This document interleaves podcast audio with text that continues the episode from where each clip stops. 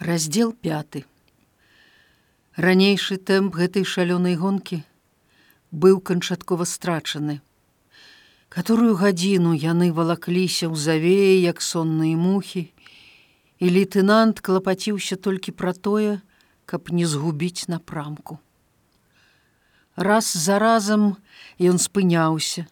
Трэба было зарыентаваць компас і пачакаць валакушу з хакімавым краснакутскі піваварыў выбіваліся сілы, ды да і сам ён хістаўся ад знямогі, у галаве п'яна круцілася ад ветру, важка адцягвала плечы зброя, ўсё больш балела нага.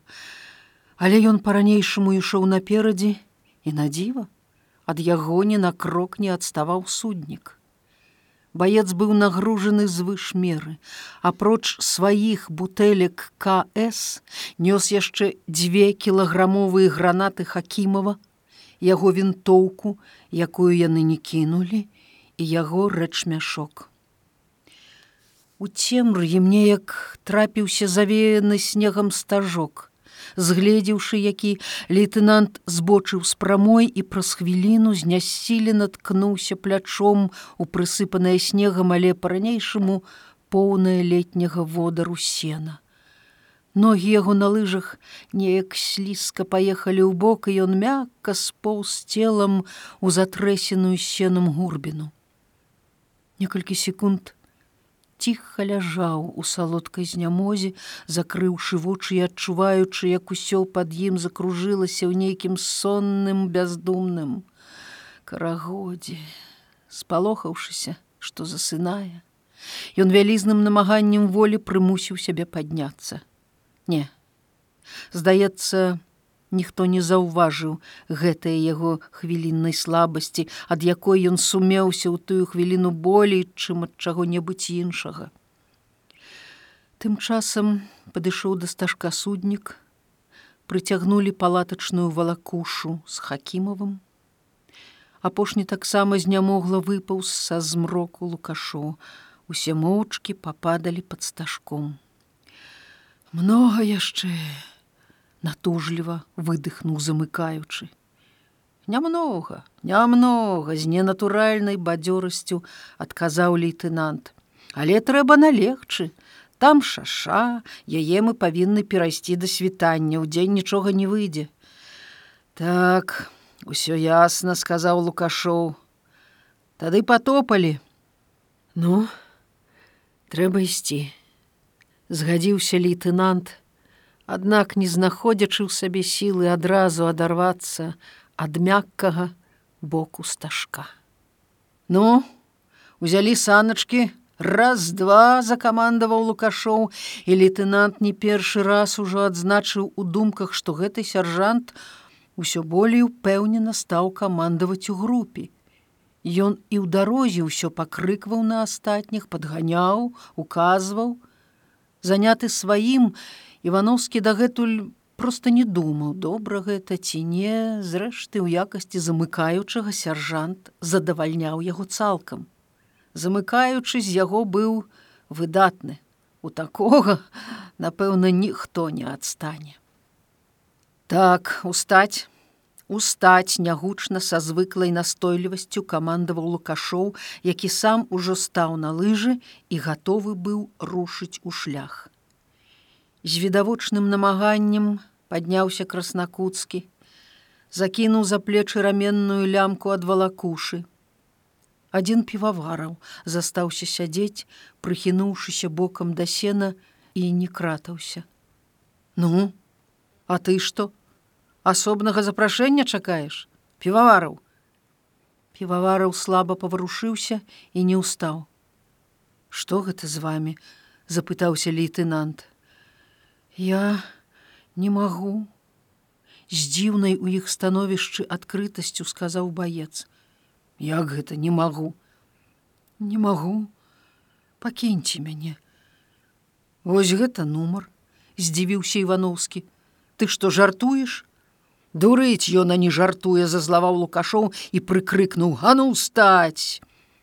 Тонкі слабасільны півавараў, Мабыць, не разлічваў на такую дарогу і ўжо дайшоў да мяжы ў сваіх і без таго не дужа вялікіх магчымасцях.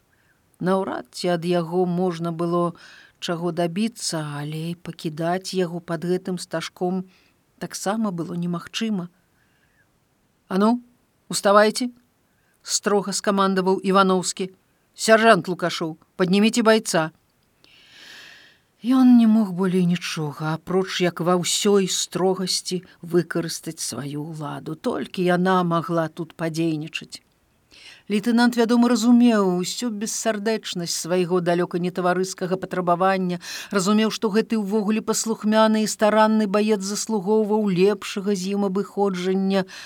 Але цяпер Івановскі перакрэсліў у сабе ўсякую сяброўскую сардэчнасць, пакінуўшы адну толькі холодную, камандзірскую патрабавальнасць.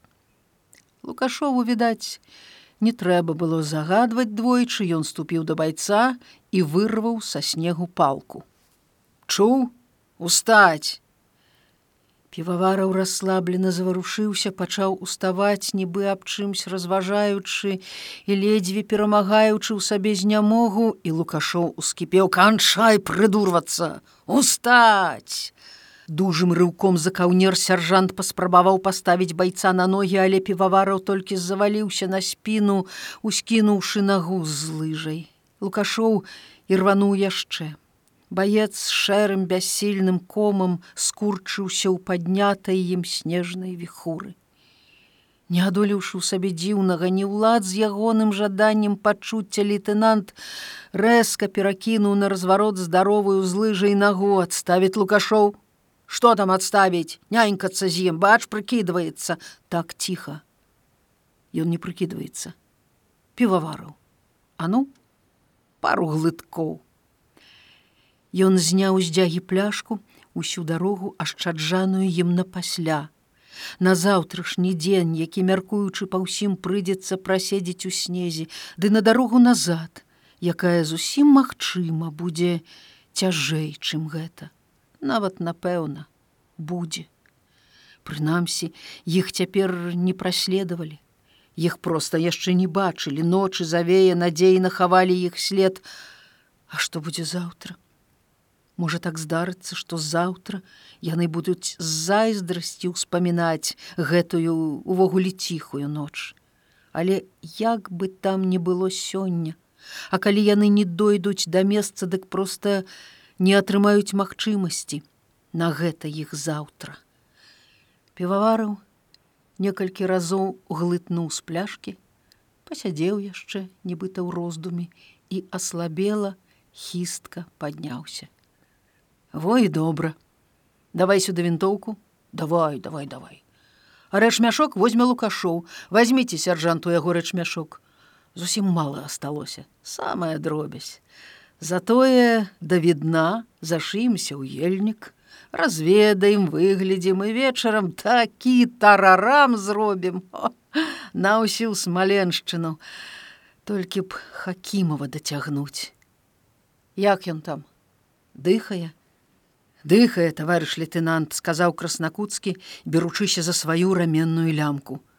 А можа б пакінуць, Ага, таварыш лейтенант, закапалі пустажок, Не, цвёрда сказаў Івановскі, не выйдзе. А раптам немцы тады што? Нам жыць, а яму прападаць. Што тады генерал скажа? Памятаеце, ён нам наказваў, трымайцеся адзін за аднаго, болей вам не будзе за каго трымацца. Яно то так уздыхнуў краснакуцкі, дык каб не дарма цягнулі. Гэта праўда, падумаў Івановскі магчыма і дарма. Зусім можа быць, што іх намаганні у адносінах да хакімава акажуцца марнымі, хутчэй за ўсё так і будзе. Столькі часу баец у непрытомнасці, да яшчэ гэтая калатнеча, сцюжа, закачанее і ўсё. Верагоднасць такога канца была надта вялікай. Але бяда ў тым, што, фізічнай здольнасці параненага мусіць кепска дапасоўваліся да сілы байцоў, якія могуць выдохнуцца раней і тады ўсім будзе кепска. Івановскі не прызнаючыся нават сабе, пачынаў невыразна адчуваць, што хакімаў паволі, але напэўна волею франтавога лёсу ператвараецца з хорошага байца і таварыша у міжвольнага іх мучыцеля, калі не больш. Ніхто пра тое яшчэ не сказаў ніводнага слова, але відавочна, усе яны пачалі адчуваць нешта падобнае у адносінах да гэтага бедалагі. Навучаны горкім уласным вопытам, лейтенант выдатна разумеў, якая гэта бяда паранены ў групе.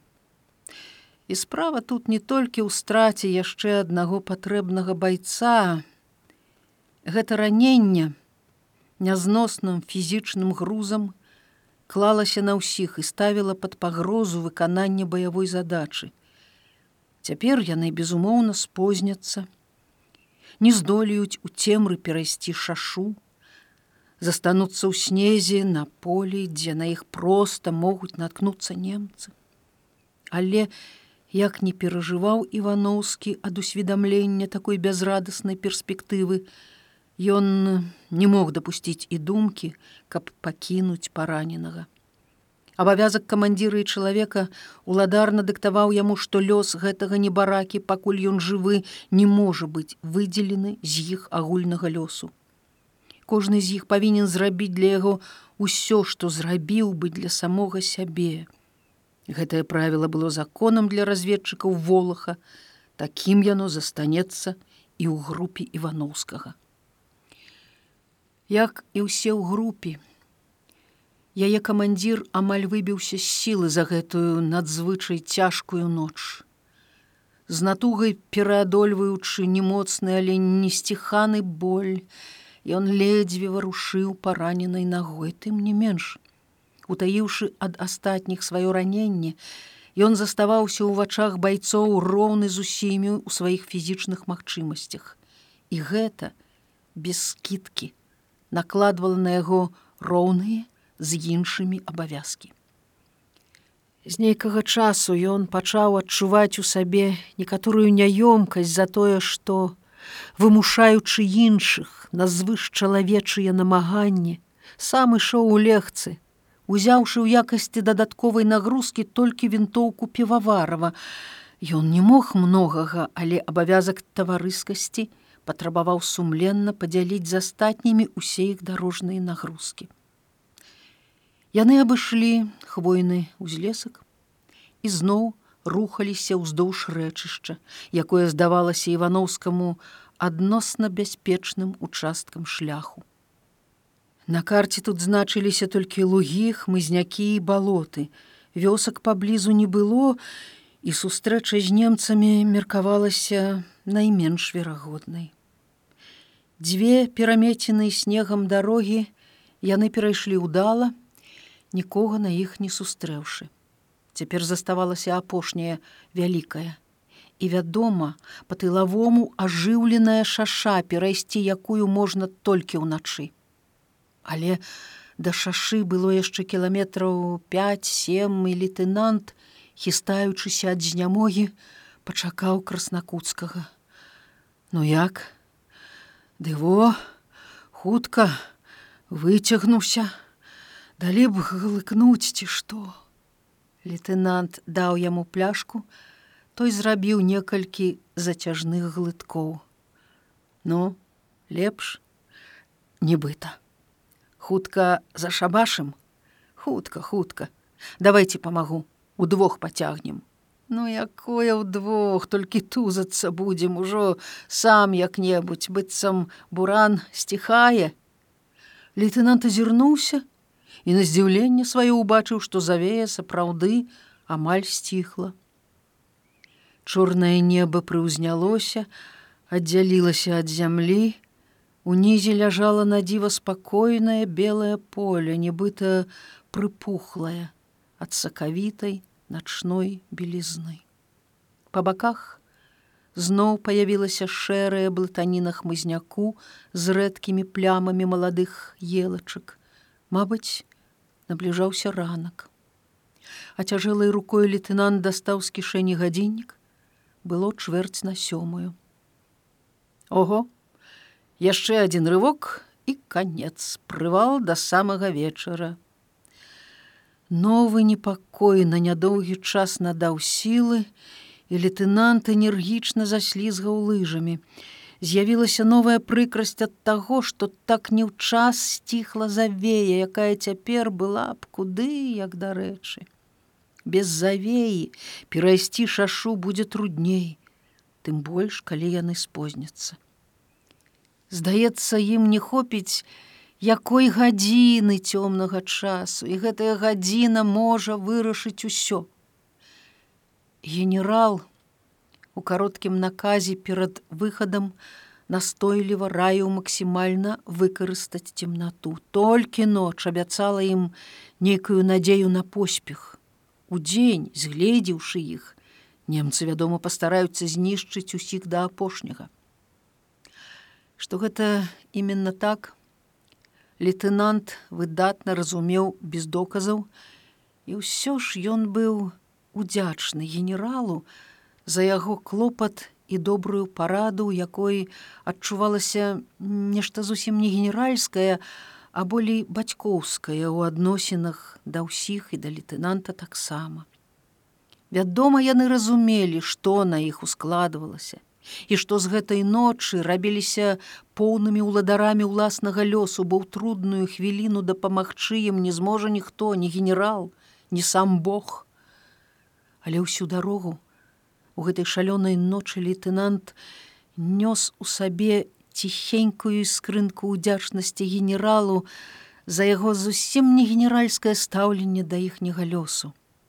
Гэтая іскрынка грэла яго, вяла, і таіла ў сабе маленькую жаданую надзею на поспех. А ўсяго тры дні назад, аціраючыся пры штабе пасля выхаду з нямецкага тылу, Івановскі болей за ўсё баяўся трапіць на вочы менавіта гэтаму прыдзірліваму строгаму і ўладарнаму генералу начальніку штаба. Ды і не толькі ён, Многія ў ціхай лясной вёсцы, дзе размясціўся штаб старопкай баязлівасцю, праходзілі міма яго высокага з блакітнымі аканіцамі дома. Генерал быў бязлітасна строгі да ўсіх сваіх падначаленых. А тут, вядома, усе, апроч хіба самога камандуючага, былі ў яго прамым падначаленні. Аднаму Богу было вядома, за што ён мог кожную хвіліну прыдрацца. Генерал не дараваў, калі кагось заставаў без справы. Спаганяў за парушэнне формы адзення і маскіроўкі. Лаяў тых, хто на яго думку недастаткова хутка выконваў загады. Ці мала за што можа прыдрацца да падначаленага строгі начальніку арміі. Неяк міжвольны Івановскі зрабіўся сведкам, як генерал лаяў аднаго палкоўніка за адсутнасць нейкіх дадзеных на ўчастку левага фланга і як пасля гэтага палкоўнік у сваю чаргу разносіў камандзіра разведкі дзве разведгрупы якога не вярталіся з-за лініі фронту хоць мінулі усе тэрміны іх вяртання. Ивановскі тут быў выпадковым чужым чалавекам За час сваёй не надта вялікай армейскай службы яму не даводзілася бываць нідзе вышэй штаба дывізіі, і цяпер ён з цікавасцю назіраў жыццё гэтай тылавой установы. Разы два, зрэшты, у вёсцы паднімаўся перапалох, калі наляталі юнкерсы. Скінутыя імі бомбы, аднак не ўчынілі асаблівай шкоды, апроч таго, што разбурылі пусты хляўчук, ды забілі на вуліцы асядланую гнядую жаробку. У астатнім усё тут ішло мірна і роўна. Хіба што часам па аддзелах пачынаў свой абход начальнік штаба і тады ўсе палкоўнікі, капітаны і ўвішныя пісары ненадоўга перажывалі трывогу. Але неўзабаве, каму зрабіўшы вымову, а на каго проста накрычаўшы, генерал знікаў і зноў у вёсцы ўсё шло як заўсёды. Пасля пераходу лініі фронту лейтенант Івановскі паявіўся тут з двума уцалелымі разведчыкамі, бо пасля смерці капітана Волаха палічыў сваім абавязкам далажыць аб усім, што здарылася за два тыдні іх блукання па нямецкіх тылах. Але заклапочаныя сваімі справамі штабныя начальнікі аднесліся да яго без асаблівай увагі і гэта яго пакрыўдзіла. Надта свежым быў у яго памяці боль нядаўніх страт, смерць волаха, усе іх неймаверныя перажыванні там у нямецкім тылі, каб ён так проста мог прымірыцца з гэтай няўвагай. Ён прыйшоў у хату разведаддзела да бялявага маладога палкоўніка і сходу пачаў выкладаць яму сутнасць справы. Але той доўга і невідушча глядзеў на яго, яўна думаючы пра нешта іншае. Пасля палкоўнік абарваў ягоны расказ і загадаў усё падаць у пісьмовай форме. Нібы між іншым ён, запытаўся, ці прайшоў лейтенант праверку ў дольцаве, дзе знаходзіўся зборны армейскі пункт. Івановскі пакрыўдзіўся. Ён сказаў бяляваму з прыгожа укладзенымі валасамі палкоўніку, што ў дольцава ён паспее, А вось да нямецкага склада боепрыпасаў можна спазніцца і тады ўсе іх намаганні ўсе страты, у тым ліку і смерць выдатнага армейскага разведчыка капітана волаха могуць аказацца дарэмнымі. Як дарэмнымі? Здаецца, упершыню нешта сцяміў палкоўнік і адарваў аловак ад паперы, па якой старанна лінеяў нейкую складаную з мноствам графаў табліцу. Вельмі проста, адказаў лейтенант загінулі без карысці, не за панюх табакі. Вояк, сказаў палкоўнік і ўстаў, абцягваючы гімнасцёрку і круто выгінаючы зайздросна развітыя мускульныя грудзі. Вы з якой сказалі дывізіі? Івановскі назваў дывізію і полк. Гэта якой жа арміі Гэта нават не нашага фронту, так не пойдзе, пішыце аб'ясненне. Нічога не зробіш, давялося ўзяцца за гэта аб'яснення. Ён пісаў яго двое сутак, хаваючыся ад прыдзірлівага генерала, які якраз прыехаў з перадавой і, як звычайна пасля нядоўгай адсутнасці наводзіў у штабе парадак. Івановскі часова прытуліўся ў штабным АХО, з пісарам якога напярэдадні выпіў пляшку шнапсу і той великкадушна падзяліў з нічыйным лейтенантам свой ложак у паўразбуранай пустой хаціне. Праўда, у дадатак да пляшкі давялося адарыць гасціннага пісара трафейным люстраным компасам і назаўсёды расстацца з прыгожай запальнічкай манахам. Але за два дні ён склаў падрабязную справаздачу памерам у два школьныя сшыткі у клетачку. Калі ён прынёс сваю працу, бялявы палкоўнік відаць быў не ў настроі. Размашыстым дакладным рухам, не зірнуўшы, ён перакінуў ягоныя сшыткі на суседні стол, за якім сядзеў над паперамі лысы брывасты маёр. Кавалёў, займіцеся что ён там сачыніў мне чытаць няма часу.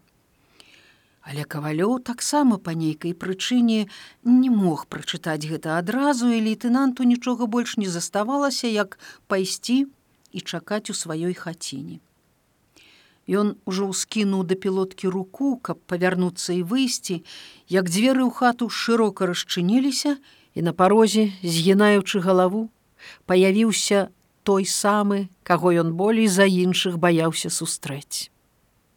Камандзіры за сваімі сталамі ўскочылі, а Івановскі толькі павярнуўся ды так і застыў з паднесенай да пілоткі рукой. Напэўна, яго нехуцавы нязвыклы тут выгляд, у пісаравай ватоўцы без знакаў адрознення на ёй і ў заношанай суконнай пілотцы, калі ўсе камандзіры штаба хадзілі у аўчынкавых шапках, здаўся незвычайным і спыніў на сабе востры позірк генерала. Хто такі? тонам, які не абяцаў нічога прыемнага, запытаўся ён, звяртаючыся да палкоўніка. Лейтенант Івановскі, камандзір узвода такога-то палка такой-то дывізіі з натужнай ліхасцю чужым голасам адрапартаваў лейтенант.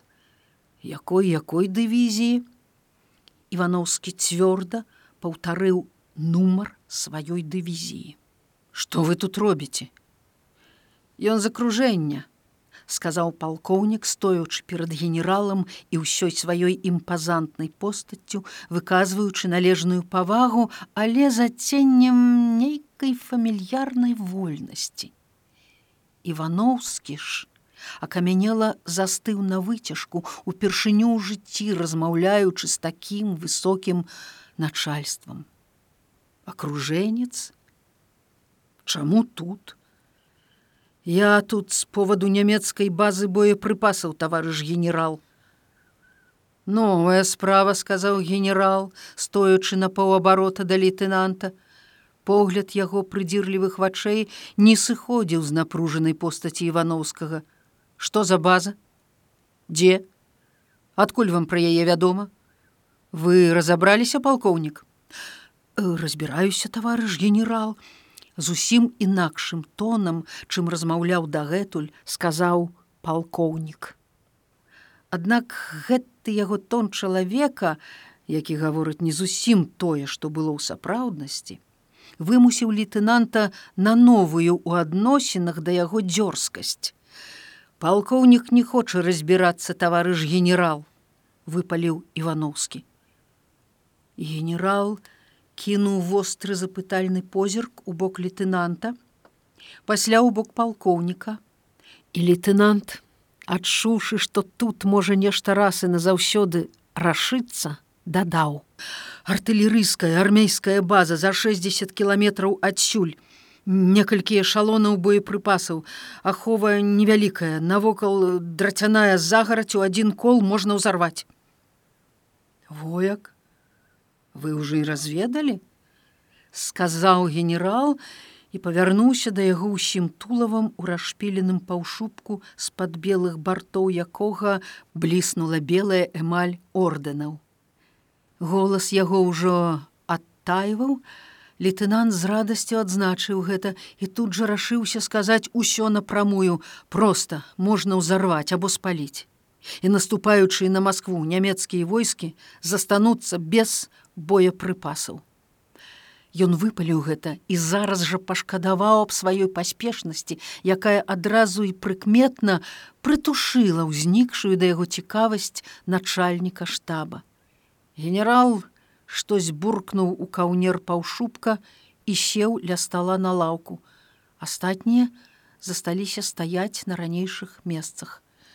Кажаш проста: пых і нямецкія войскі без снарадаў, так ці што. Не зусім так, таварыш генерал паспрабаваў выправіць свой промах Івановскі. Мы ўжо спрабавалі, але ужо і спрабавалі, паспелі. Ну, і што ж? Дваіх страцілі, у тым ліку капітана Волаха. Ага. Ось так, лейтенант, як цябе? Івановскі. З наскоку не возьмеш з галавой трэба. Але ён маладзец, сказаў генерал, звяртаючыся да палкоўніка.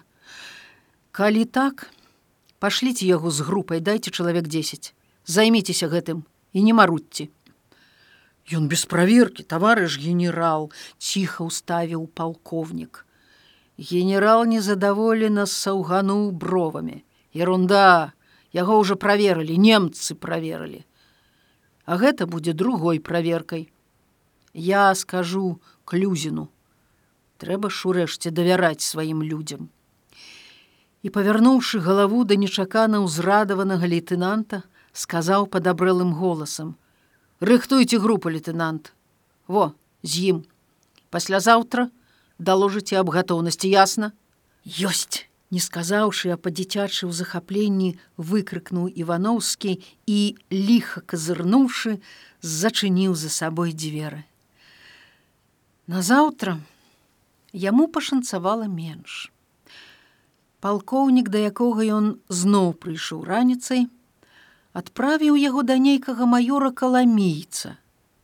Лейтенант чакаў гэтага маёра паўдня, і калі ўрэшце дачакаўся і перадаў загад палкоўніка, той амаль знішчыў яго першай жа фразай: « А дзе я возьму людзей. У мяне нікога няма, застаўся адзін ездавы.